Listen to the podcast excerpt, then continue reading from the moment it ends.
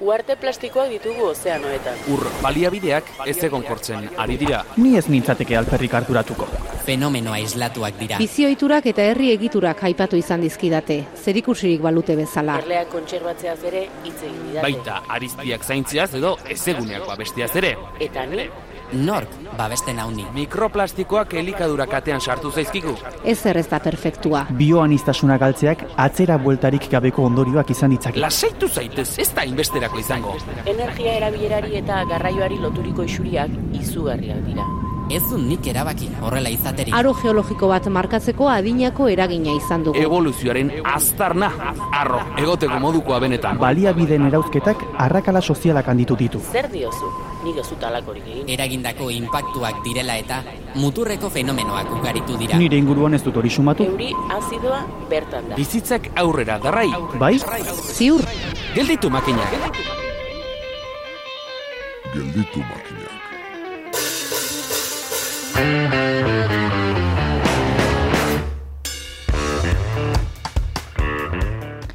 Asko, ez duzue azteko izango atzo hogei urte gertatutakoa. 2002ko irailaren amairua egun beltza izan zen prestixontziak matxura izan eta txapapotezko marea bat osatu zuen. Desastre ekologiko handien parte bilakatu zen eta aldarri bat zabaldu zen Galiziatik.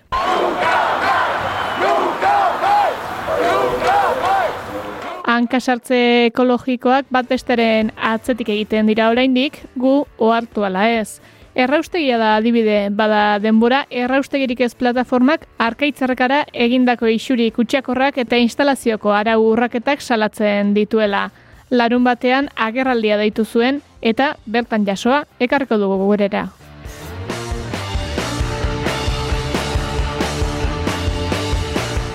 Errekazokotik mendira bertako laborantza ardatz ospatu baita 2000 eta hogeita biko lurrama biarritzen.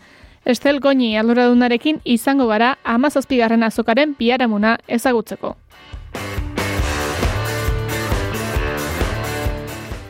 Ez gara, mendi inguruan luze biliko ordea Iñaki Sanzazkue biologoak ibaira itzularaziko baigaitu izokinez aritzera.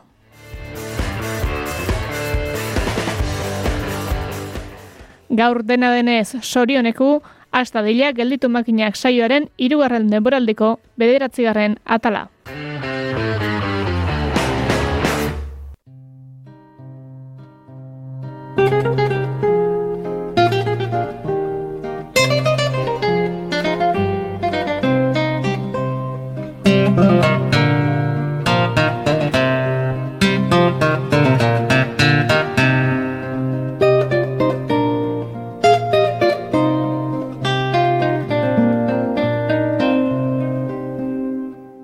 Xenciña de muxía Ficou enchida de merda.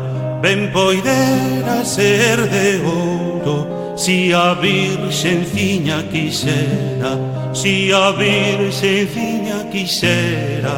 Ai la lelo, ai la la la lo. Nin para ben, nin para mal.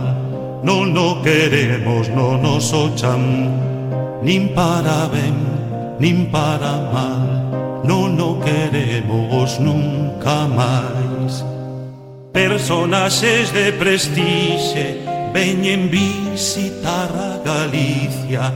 Son os mesmos que nos trouxeron A pobreza e a inmundicia. A pobreza e a inmundicia.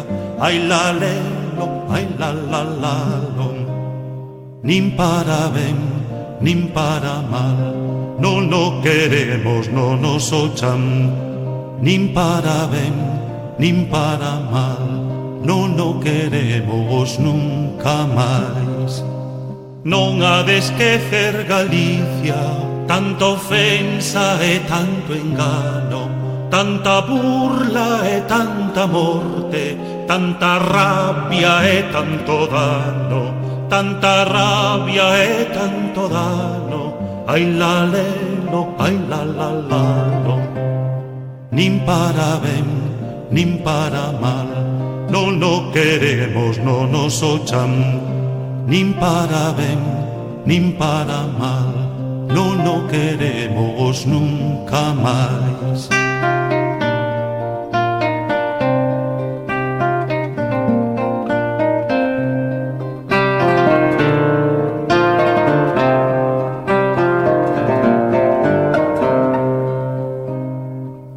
Crearánse grandes medios para combatir a negrura, voluntarios e mariñeiros, corazón, inxenio e bravura, corazón, inxenio e bravura, ai la lelo, ai la la lalo, nin para ben, nin para mal, non o queremos no nos ochan, nin para ben, nin para mal Non o queremos nunca máis A xuventude da morte vaise para as Islas Canarias.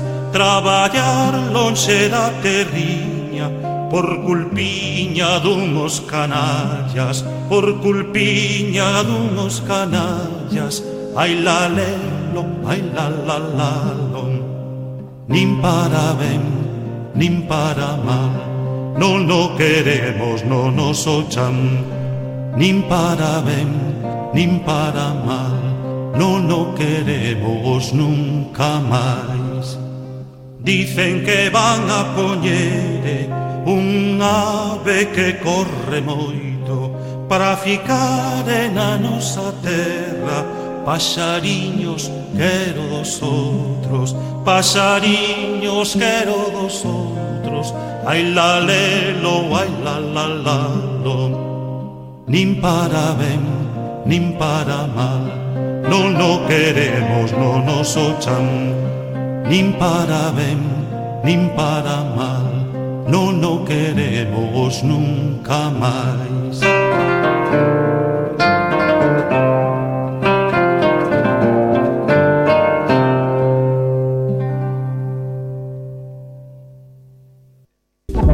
Eli pagolarekin geldituko dituzu makinak naiz irratian.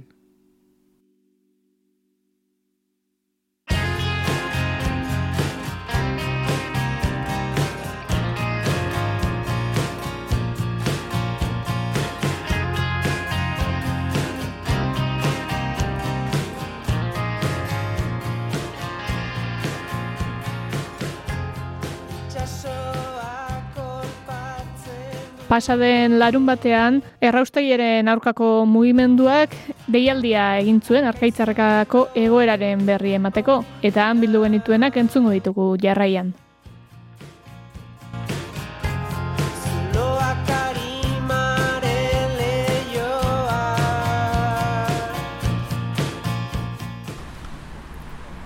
Zubietako hartzabal eta baserrian jarri du itzoldua erraustegirik ez mugimenduak bertara helduko dira bai usurbilik eta baita zubietatik abietutako blokeak ere hemendik irureun metro eskasera dago artkaitzarkara ematen duen erraustegiko odia. Bertan, adiera azpen bat irakurtzeaz gain, e, gaiaren gaineko zenbait azalpen emango dizkigute, beraz, ba, hori esek entzungo ditugu. Josemari irazusta da azalpenak emango dituena.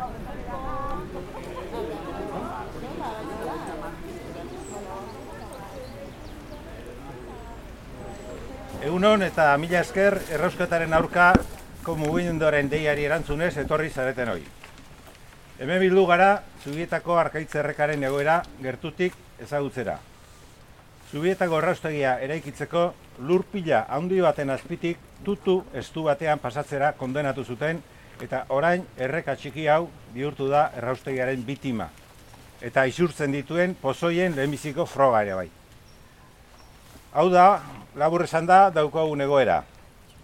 2008ko maiatzeak e, Zubietako herritarrago hartu zirenetik, bi urte eta erdi hauetan, kutsatuta datoz arkaitzerrekako urak eta tartean harrapatu dituen arrain guztiak akabatu ditu.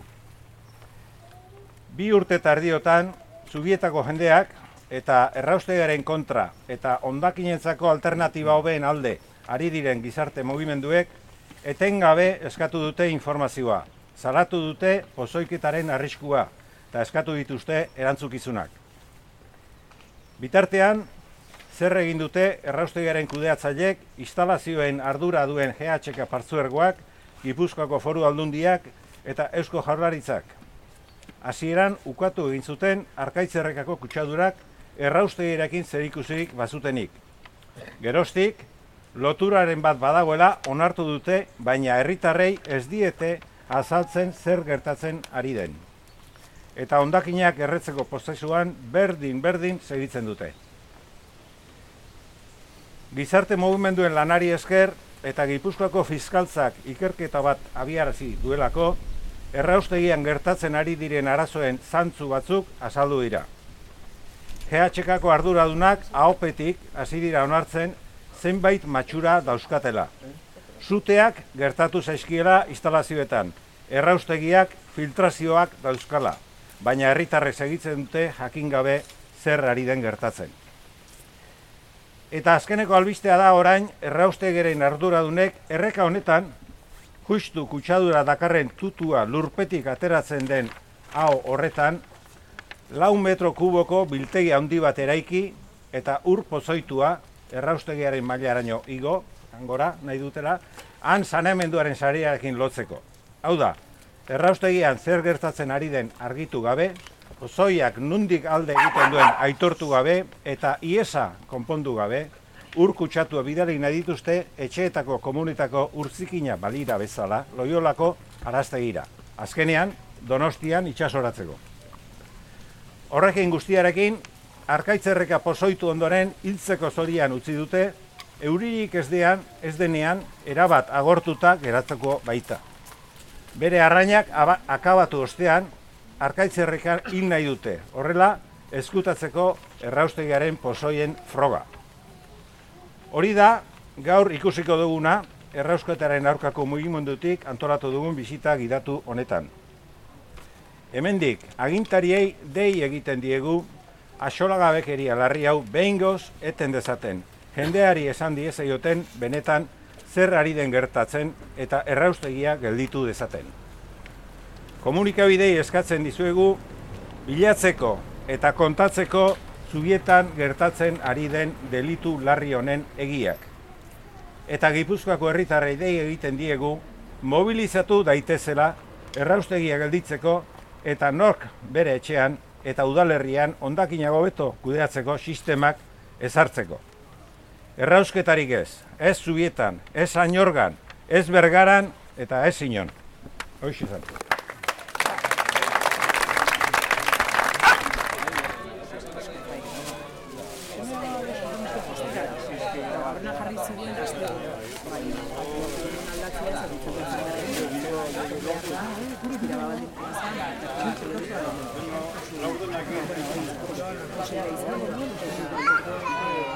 Ulertzeko zergatik gunea ekarri zaituztegun, bueno, hemen e, gaude betelanaren sakonera, hemen berez, e, hau bailera bat zan bere garaian, ez?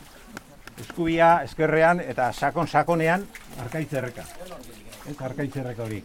Zer gertatu zen? Bueno, ba, hori eraikitzeko gogoratuko zeate, eraikitzen hasi horretik zenba denbora neontzan, hemen betelan haundioa dago, hemen justu uh, bomba jarri nahi duten tikan horrea irureun metro daura, ez sekulako altura dago hemen.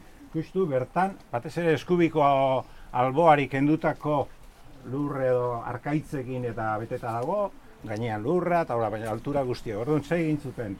E, errekak beti koera du, atorrian zuen ibil jarraitzekoa, ez? Orduan, hor dagoen tutu hori, ez da tutu e, itxi bat, zulodun tutu bada. Orduan, lehenbiziko hori egin zutena da, hor sartu, eta horrek, klaro, angoitik, eraikinaren goikaldetik datorre erreka, eta han, naiz eta eskubitik ana hemen ikuste zuen hau, kanal artifizial hau, alternatiba bezala, desbio bezala egin, oandik ere, ikuste zuen, ur gehien horra saltzen dela, esan nahi du, errekak, filtratzen dela, eta leku, aldan leku guztietatik, horrea tutu hortara iristen da, ez dakidu zenbat. Baina erreka honi ematen dion kaudale o emari handiena horra iristen da. Ordu neu, e, azaltze izue zergatikan, bueno, ulertzeko zergatik dauden filtrazioa. Betelan horren gainean eraiki da instalazio guztia. Eta instalazio hori ez da edo instalazio.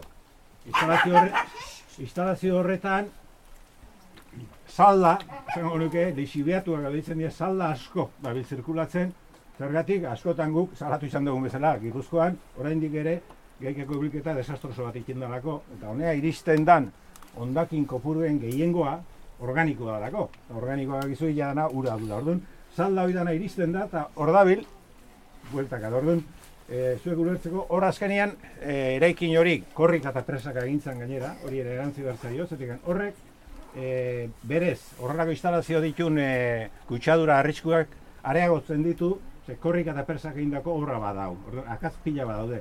Orduan, dakizuen bezala, zuteak, e, matxurak, e, besterakoak, eta azalduko direnak. Hori, e, gu baino gehiago dakienek, esan digute, hori ziurra dela.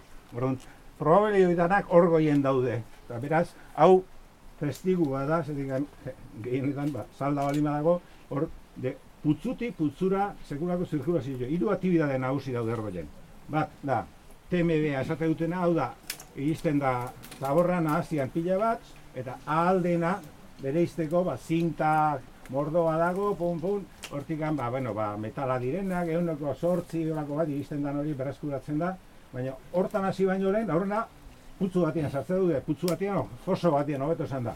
Eta hori lehen esan dutena organiko guztia hor dago saldakin, ba, orduan saldaiek sartzeko depositu batzu daude hor. Baina depositu horiek, lehen esan dudana, gaizki eraikitako kontu nola den, gaizki eraik jarrita daude, da, prestixenago batuko zete batzuk, ez? Nola ez zaukan doble depositoarena.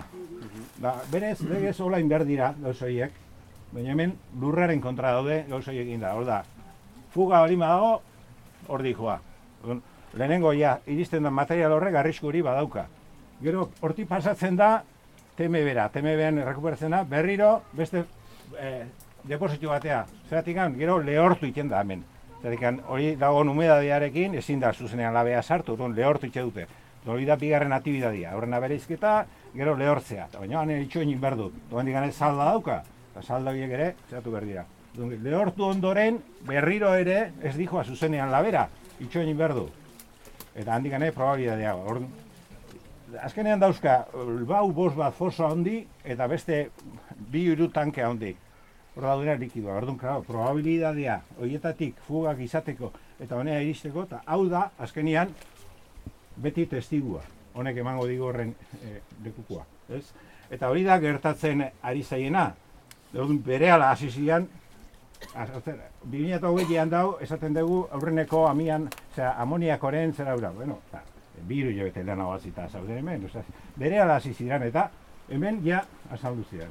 Dika hau dako hau, lekuko importante bezala hasi zian, azaltzen, orduan errezuten, erreka guztia, aingirak, bestea, pin, pan, pan, orduan gertatu zen ura, ez?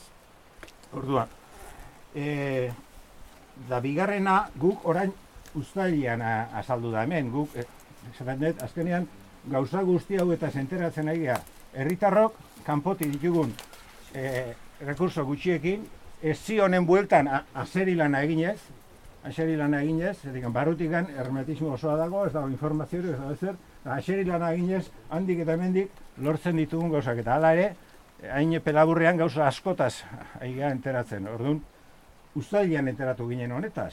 Horrek ez du izan nahi, tarte horretan, zer jondan hemendik. Osea, orduan jakin genuen, ez? Eta ustailian hori, hori jakin da, orain, bagizue, e, reazio ez izan da orain ere, lehen bezala, ukatu. Lehen bizi ukatu, baina aldi berean, gero hasi dia, ia e, analiziak egiten, beste egiten, udalak egin zuen analizia, analizian azaldu zen kutsadura larria dagola, beraz, hori denak hor daude. Eta dakiguna da orain, azkenean, claro, e, barruan daukaten arazo potoloa, de jakin dugu baita ere, barnefore eta mitzat esaten ari direla publikoki ez dute zerretzan, baina fosoietan badituzten arazoak. Zuteare izan dela, da, e, zinta horietatik lehortzera pasa horretik fosoan zaukatela zutere bat izan dute, zute hori zatzakoan txorreatu inberra izan dute, horren beroak eragin ote duen. E, erraustegiko labera sartu horretik bak izute aktibidadea hori nola izaten dan, pulpo batzuekin egiten dute lana, pulpo hori etengabe kolpeka da. Orduan, foso horietan sortzen bali mazai arazoa, horien, horren konponbidea iaia zinezkoa da. Osea, ez auskata gauditu gabeik, eta aktibidade guztiak gelditu beharko litzateke, imposiblea da, eta horren reazio bezala, ulertu behar da, orain planteatu dutena. Zer planteatu dute, eta bantxe dago, esposizio publikoan, eta bar. Eta bitarte honetan, ura, aizaile gainera, ura ustez, e, errekak eta guztia bezaintzeko sortuta erakundea, ari da, e, ba, zerrikeri hori, da pastele hori kubritzen, eta hauen, e, esango nuke, kutsadura hori, ba, eskutuan eraman dezaten bideratzen gainera. Zertik, planteatzen dutena da hemen, hemen bertan, tubo honen aurrean, hemen sartzen dute horako depositio handi bat, iru lau metro kubiko izango dituna, jasoko ditu uroiek, hau da, hortik ateratzen den guztia, zehatuko dute, eta hortik barna, sartuko dute beste tubo bat, eta igoko dute bombakin batera, angora. Ango daude, ba, bueno, industrialdeantzako indieran saneamenduko instalazioak, eta han sartu loiolako araztegira eta loiolako araztegitik itxasora. Orduan, gelditze zitzaigun testigu hori ere, itxe dute tapatu, orduan gu ez gozatik. Claro, hemen esan duguna, hemen parte bat ateratzen da. Baina beste asko, txaur asko ibaian bukatzen nahiko da. Zatik, lurrean filtratzen den gauzoiek, ba, parte bat iristen da odi horretara. Odi horretara iristen da ez den guztia, ba, logikaz, e, ba, esan gatikan, e, kotan gatikan, ba, ibai jungo da eta ibaitikan zatzen nahi da. Orduan, hori da azkeneko intentoa. Intentoa da, estaltzea, daukagun helduleku ia bakarra bintzat hemengo e, ozoi hau e, e, detetatzeko eta han sartu eta sartzeko. Horren aurrean zer da, ba, gu esan, mugimendu ezera oso oso kezkatuta gaude ze hau ustailean biztaratu genuen, eta tarte guzti honetan ikusten duzu erakundeak zertan ari diran. Aldala, isili daude, aldala tapatu eta txapuzea hau kubritzera ijoaz. Baina alde berean oso keskatuta gaude baita ere, ba, kolore guztietako eragile politikoak isilik, mutu edo datozen hautezkundei begira daudelako. Eta horrelako gauzetaz, ia inork ez duelako izerra esaten hori ere oso kezkar egite zegu. Orduan, bat dago zalantzaik denetan garbi garbi gatu da. Garbi garbi. Garbi garbi.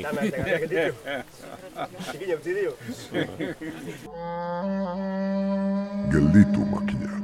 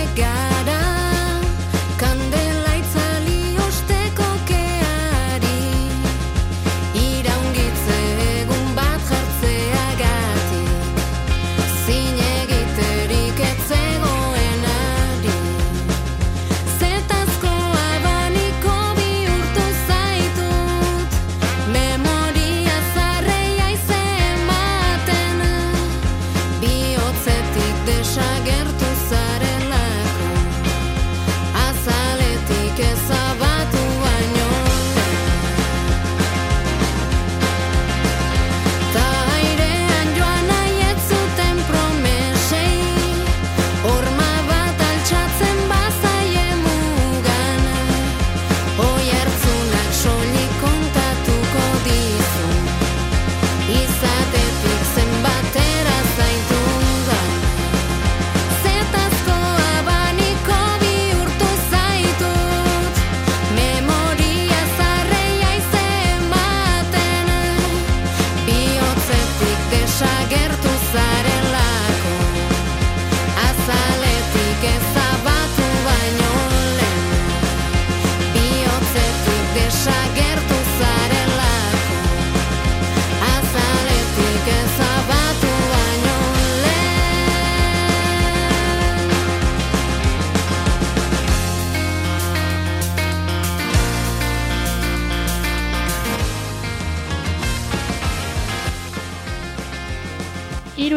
animazio ugari izan dira bizi den mendiaren alde izenburupean eginiko lurrama laborantza herrikoiaren azokan. Azaroaren amarretik amabira ospatu da azokaren amazazpigarren edizioa eta lekukotza emateko gurean dugu Estel Goñi koordinatzailea. Ongi etorri, Estel? Egunan. Tira, zer moduzkoa izan da etenaren osteko azoka hau? Bai, biziki ongi iraganda, egia um, dudak bagenituen, zeren eta baziren bi urte ez girela, hemen uh, gila hortan izan, ea diendeak uh, bidea atxemanen zuen berriz, eta, eta bai, bidea atxeman du, uh, izan dira ogoi mila baino gehiago bisitari, orduan biziki pozigira aldapratik, eta gire biziki on batean ere, iraganda ere, eta hori importantan. Hmm. Bi mila eta hogeian etzen lurramarik izan, eta iaz berriz Arbonako edizioa berezia izan genuen. Argi zenuten ala ere ohiko formatura itzuli nahi zenutela? Hori da, hori eh, argi, argi genuen eh, aspalditik eta eta badakigu formula horrek uh, funtzionatzen duela. Formula horrek uh, permititzen duela ere sartu nahi ditugun animazio eta elementu guztiak uh, ukaiteko eta hori biziki importantea da. Arbonan uh, biziki egun edera izan zen diaz, uh, biziki desberrina izan zen, eh, borroka bat bazen, luk hauetan, eta beraz gut juntatu ginen, eta bazen alako emurazio bat, eta alako dinamika biziki aberas, aberas garri, baina um, ezin izan genituen animazio guztiak proposatu, eta hori guretzat importantea da, bai kabalen txoko uh, oso bat proposatzea, merkatua, uh, konferentzia gune bat, uh, bon, hots uh, elementu guztiak uh, gure tupinan sartzea beraz uh, argi dugu hemen uh, alere miarritzen uh, gela horrek permititzen duela eta bon, hemen, hemen egon behar duela, dugula bai. Hain zuzen ere, esan bezala, era guztietako eskaintza izan zenuten animazio aldetik, bai tailerrak, itzaldiak, lehiaketak ere izan ziren. Zer bai. moduzko erantzuna izan zuten? Beraz, uh, erraiten nuen bezala, ogoi mila baino gehiago jende urbildu da, beraz, hori janik uh, erraiten aldugu erantzun uh, ona izan dela. Eta gero, bon, xifreak alde batera utziz, uh, begiratzen badima dugu seekiago, erraiten aldugu, um, uh, bai konferentzietan aurten uh, ahrakasta handia uh, izan dugula. Uh, ez, ez dira, urtero ez dira inbeste jende urbiltzen uh, konferentzietara. Eta aurten, uh, sumatu dugu hor uh, mendiaren gaiak zinez uh, jendearen uh, interesa piztu zuela, eta, eta me, gai horrek ez zuela bakarrik laborariak onkitzen baizketa publiko handia. Uh, de, denok, uh, baiki, denak baikita hor uh, mendiaren erabiltzaile, nonbait. Orduan horrek uh, arrakasta handia bildu du, gero aipatu dituzun uh, beste gauzak, hor lehiaketan, bai, lehiaketetan ere uh, parte hartzea uh, handia izan da, uh, kabaren txokoan, merkatuan, uh, uh, erraiten aldena da, ala, uh, izan da diende, baina diendea ere uh, egon da, galderak pausatuz, diendearekin komunikatzeko eta eta hori uh, bitiki uh, baiko ikusten dugu. Mendiko laborantza izan duzue ardatz eta ipatzeko da, orain gutxi zabaldu zen, otxo bat edo agertu botezen behen Nafarroako lurretan herrigunetatik sekula baino gertuago. Ostiralean gainera hartza otsoa eta kanpoko azkuntzaren talka izeneko hitzaldia izan zen.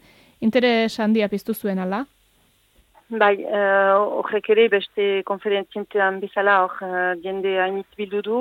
Uh, egia da gai hori minberatsu izaiten aldela eta Uh, Ostegunean uh, filma bat uh, proiektatu genuen, filma horrek uh, erakusten zuen uh, Arriez eskualdeko bikote baten esperientzia mendian, uh, egunero hartzarekin uh, duten problematika esplikatzeko eta film biziki edera eta unkigarria izan zen, orduan uh, nahi izan genuen uh, biaramunean zerbait estabaida bat uh, antolatu, emoziotik uh, atera eta eta biaramunean zerbait uh, uh, ez da bai da proposatu, beraz, hau interesgarria izan da, zenta ez da bai da horren elburua etzen jaitea kontra, kontra edo alde giren, hau ez da problematika, baina problem, problema da, uh, orain bai, uh, hartza hemen ez dugu, baina uh, pilinuetako mendietan bada, uh, otsoa bai, urbiltzen ari da, uh, beraz,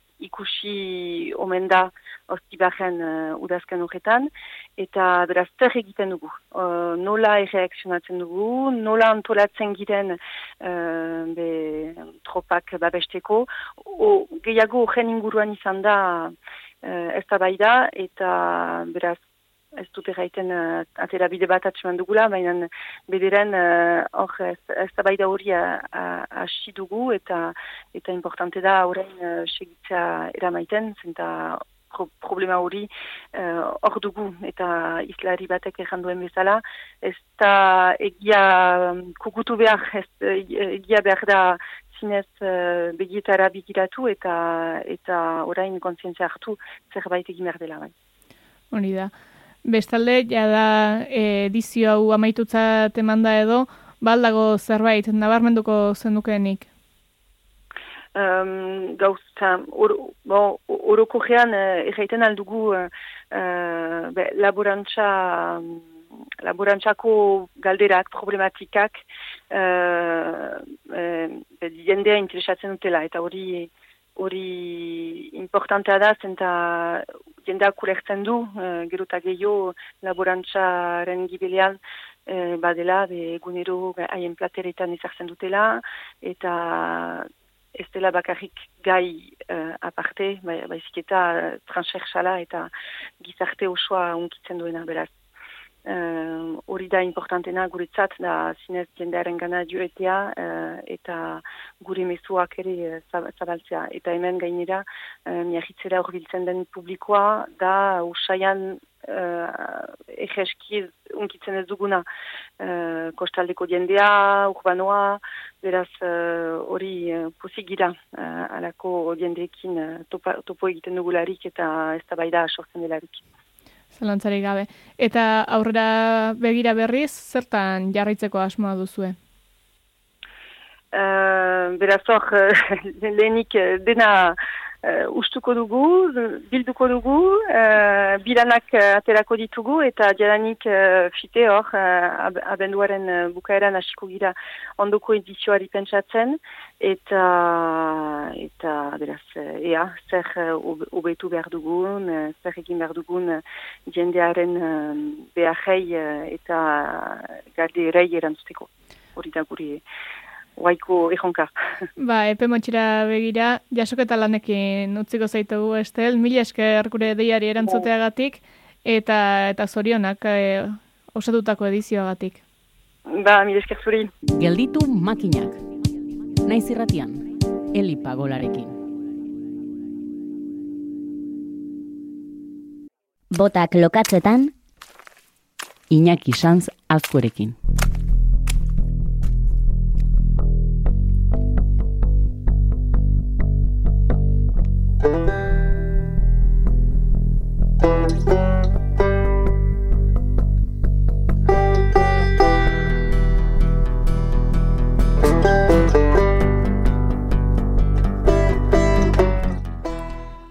Urrian aurkeztu genizuen hilero hilero gurean izango dugun kolaboratzailea Iñaki Sanz Azkue erpetologoa. Eguerliko eguzki epeletara ateratzen ziren narrasti txikiak izan genituen aurreko hilean izpide, eta jakina poliki-poliki adri dira izaki ektotermoak eskutatzen. Beraz, garai egokia iruditu zaigu, Iñakirekin botak lokazteko. Ongi etorri Iñaki. Eso, eskerrik asko, hili. Tira, esan bezala aurrekoan, narraste txikiak izan genituen aipagai, eguzki epeletara ateratzen zirela eta, oraingo honetan zer izango dugu?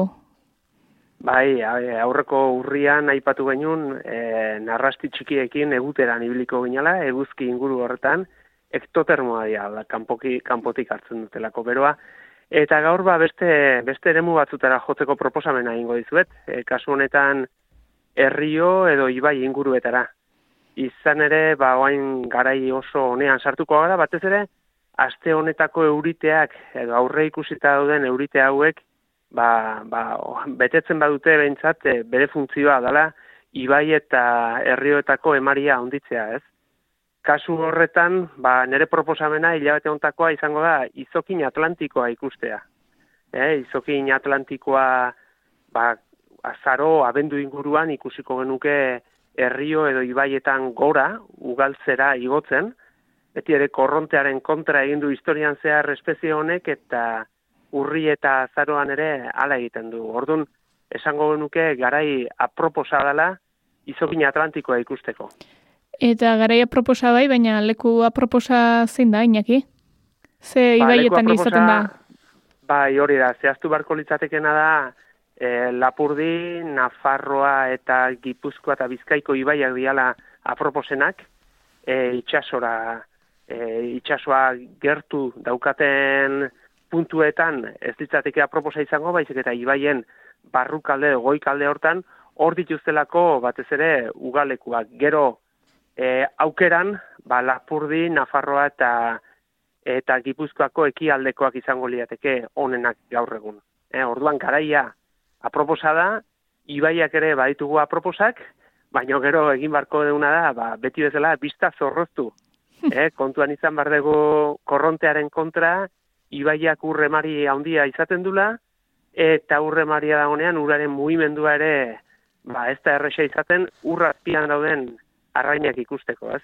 Orduan, ba, bueno, ibaietara gerturatu, herrio ingurutara gerturatu, eta saiatu barko deguna da, ba, tamaina handiko arrain bat ikusten.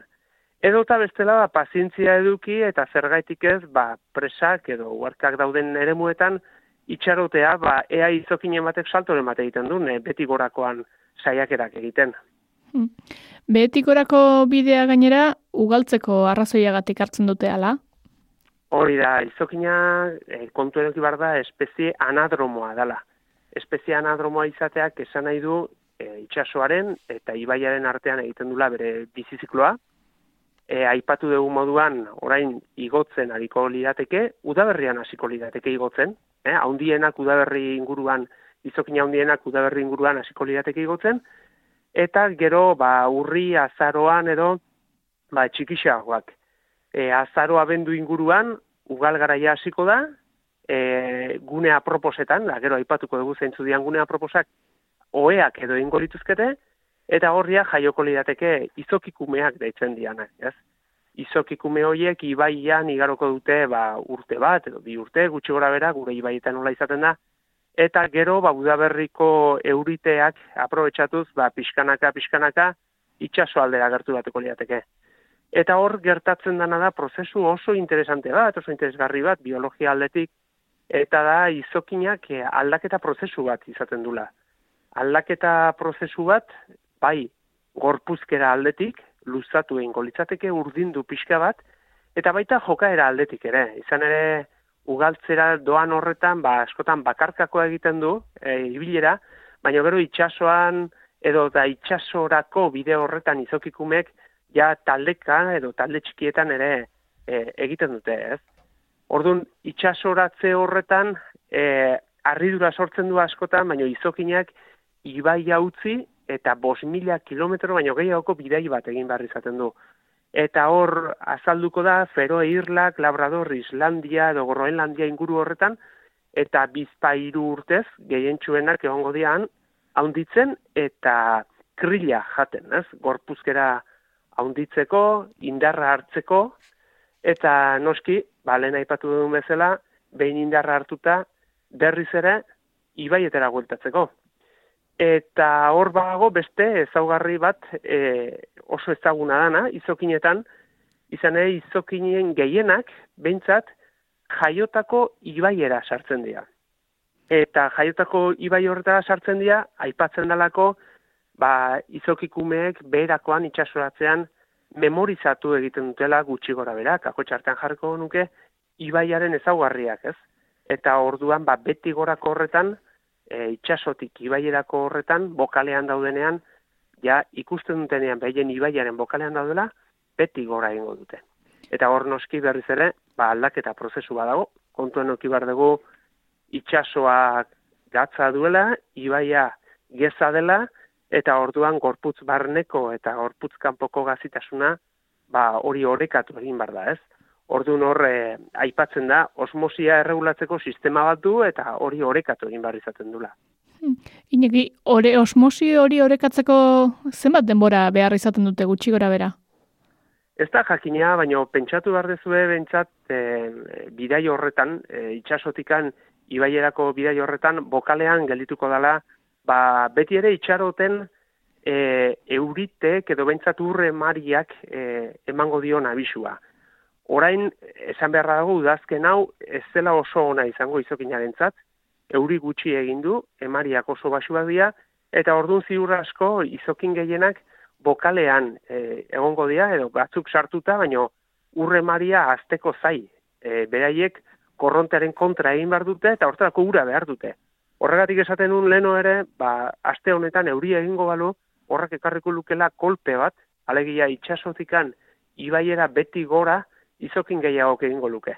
Eta hori ba, berri hona litzateke, bestela e, igotzen ez baia, ba, ugaltzeko aukera gutxego daude, eta hori kaltegarria izango litzateke bertako populazioentzat. Hmm. Behin, ibaian gora igota zuri aditutakoa da e, elikatzeari utzi egiten diotela, ala? Ugalketa prozesua bai. dutela helburu eta horretan jateari utzi egiten omen diote. Bai, jateari utzi egiten diote, baina egia ere badukatela sena, e, ba, oska egitekoa, edo Orduan, e, claro, norbete pentsatu zake, jateari uzten badiote nola arrantzatzen dituzte, ez da? Ba, bueno, ba, sen horrek bultzatuta, oraindik ere, ba, amuari hozke egiteko e, sen hori dauka, eta joera hori dauka, eta horregatikan e, urtetan eta urtetan izokin arrantza egin izan da hemen. Hasiera batean sareen bidez, edo nasen bidez, eta gero e, ja izango ez kaina bidez, edo amuarekin. Hain zuzen ere, Iñaki, gizarte mailan izan du garrantziarik ala? Bai, izokina, izokina arrantzak ikaragarrizko garrantzia izan du, pentsatu behar dugu en, aizpitarteko kobetan, errenterian bertan, aurkitu izan dira, ja, aurre historiako e, arpoi antzeko batzuk, e, ezurrez eginakoak, eta adarrez egindakoak, eta arantza, arantzekin egindako amuak, pentsatzen da arrantzarako erabiltzen zituztela, eta, bueno, ez ditzatek arritzeakoa izango, e, oi hartzun ibaia, eta urumea ibaia gertu izan da, ba, izokin arrantzan ibitzea, ez. Geroztik, badakigu, hasi erdi arotik, eta egun arte, ba, arrantzatu izan dela izokina, en, erdi aroan, e, bai bidasoa ibaian, bai e, lapurdikotan, eta urumea ibaiare ezaguna zen, baina baita horia eta beste hainbat, e, gatazka asko sortu zituen izokin arrantzak, izan ere familia asko, e, izokin arrantzaz bizi e, dokumentuetan aipatzen du, hori zala behaien ogibidea eta hortik ateratzen zutela familia sustengatzeko zaukaten diruiturri bakarra, ez? Pentsa zenbataioko garrantzia edukizaken, ez? Badakigu, e, urumea ibaian da bidazo ibaian adidez beti fama handia izan dutenak izokin arrantzarako nasa bidez harrapatzen zala hasiera batean, esango genuke dala ibaia edo herrioa itxi egiten zan, horrelako egurrezko egiturekin, enbutu antzeko bat sortuz.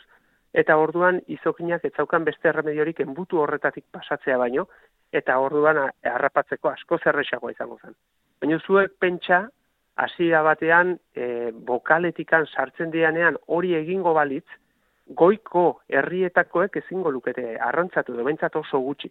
Eta horrek gatazka asko sortu zituen e, pentsa zenbatenoko gatazkak, ba, adibidez, mila zazpireun eta irurogeita beratzean, ba, haude datuak, en, Hernaniko udalak e, debekatu egintzun arrantza urritik urtarrilera e, egitea, ba, ikusten zutelako, bueno, ba, kopura geiztena izala, eta orduan Hernaniko udalak esantzuna da, bueno, ba, hemendik aurrea urritikan urtarrilera arrantza debekatuko dugu, eta ez da kasualitatea garaio hartan egitea, baizik eta oraintxe bertan ugal garaia denez, ugal garaian debekatuzten.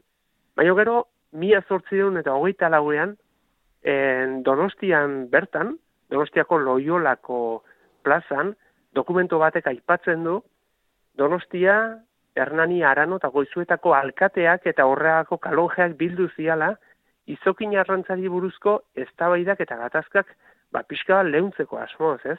Ikusten da herrien arteko gatazka handia izan zela, eta orduan alkateek esan zuten, bueno, honek ezin du horrela jarritu, eta elkartu egin gora, eta guazen pixka bat kontua guztia konpontzea, ez? Orduan ikusten da, adibide konkretu batzuk baino ez dira, ze eundak adibide daude horrelakoak, baino izokin arrantzak sekulako garrantzia izan du, bai ekonomikoa, eta baita ere gizarte mailakoa ere. Hmm. Gaur egun ez du alako indarrak izango, ez du ez dirudi behintzat, baina hala ere esandakoa oraintxe euriteak izango balira, horiek izango lirakete egun honak ikusteko ala? Nik eh, gomendioa egitekotan esango nuke da orain eurite egin dutena da ibaia edo herrioa hasi, e, ziur asko e, koloreare irunduko zaigo, hartuko du olako arre edo marroi kolore bat ibaiak, Eta ordun itxadotea gomendatzen dut, ba, egun bat, bi egun, urak azita datu zenean, baino garbi. Hori izaten da momentu oso ona izokinak e, igotzeko eta baita ikusteko ere. Beti ere, errespetuarekin eta distantzia batetik, eta e, arririk bota gabe, eta esan nahi dute, e, izokinari, animaliari ezertarako oztopatu gabe. E, kasu horretan, ba, bai herri hartzean edo ibai hartzean egonda, eh, herriuan gora korronte handia dagoen lekuetan zaila izaten da ikusten, baina bueno, putzu handiren bat balin badago, edo eta lehenu esaneten bezala, presaren bat balin badago, eta presa horrek oztopo egiten badu, ba, noiz behinka ikusten da, ba, salto egiten, ez? Esan dezagun, ba, azken urteetan, egon diala marka batzuk, izokina ere desagertu da nahi, ibai batzuetatik, eta, bueno, azken amarkaetan, gipuzkoako ibai batzuetan, berriz ere, ba, kutsadura, eta ibaien kalitatea hobetzen jundanean izokina ere sartzen junda. Orduan ba, zortedun gara eta eta bueno, hori ikusteko ere aukera badaukago beraz. Ba, aprobetxatu egin behar eta gozatu horlako gauzekin. Ba, eskerrik asko Iñaki pia beharko ditugu, eh? Pazientzia, begi zorrotza, ez dira inarrez ikusten eta baina legin egingo dugu. Mila esker eta kontatuko bai. dizugu datorren hilean ea zer ikusi dugun. Hori da, eta kontuen entzan beti, behaketa hauek egiteko, ba, ikasketa prozesu bat dela, eta hor sartzen diala pazientzia, eta esan dezuna ere, ez? Ba, pixka bat begia zorroztea. Baina, bueno, hilabeteak aurra di joazten enean, nik uste begiak ere zorroztuko ditugula eta egingo ditugula. Así que, jungo gea pixkanaka, pixkanaka entrenatzen. Oso ondo ba, ba eskerrik asko. Eskerrik asko zuei, ondo segi.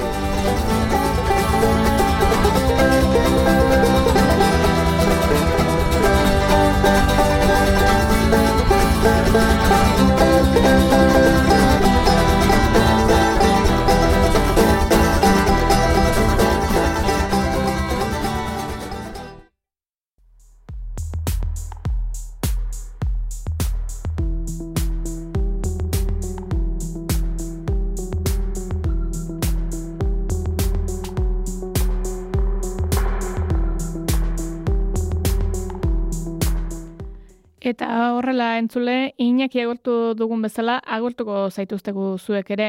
Hau izan da, gelditu makinak saioaren irugarren denboraldeko bederatzigarren atala. Eta amargarrenaren zain agurtuko gara. Ongi izan?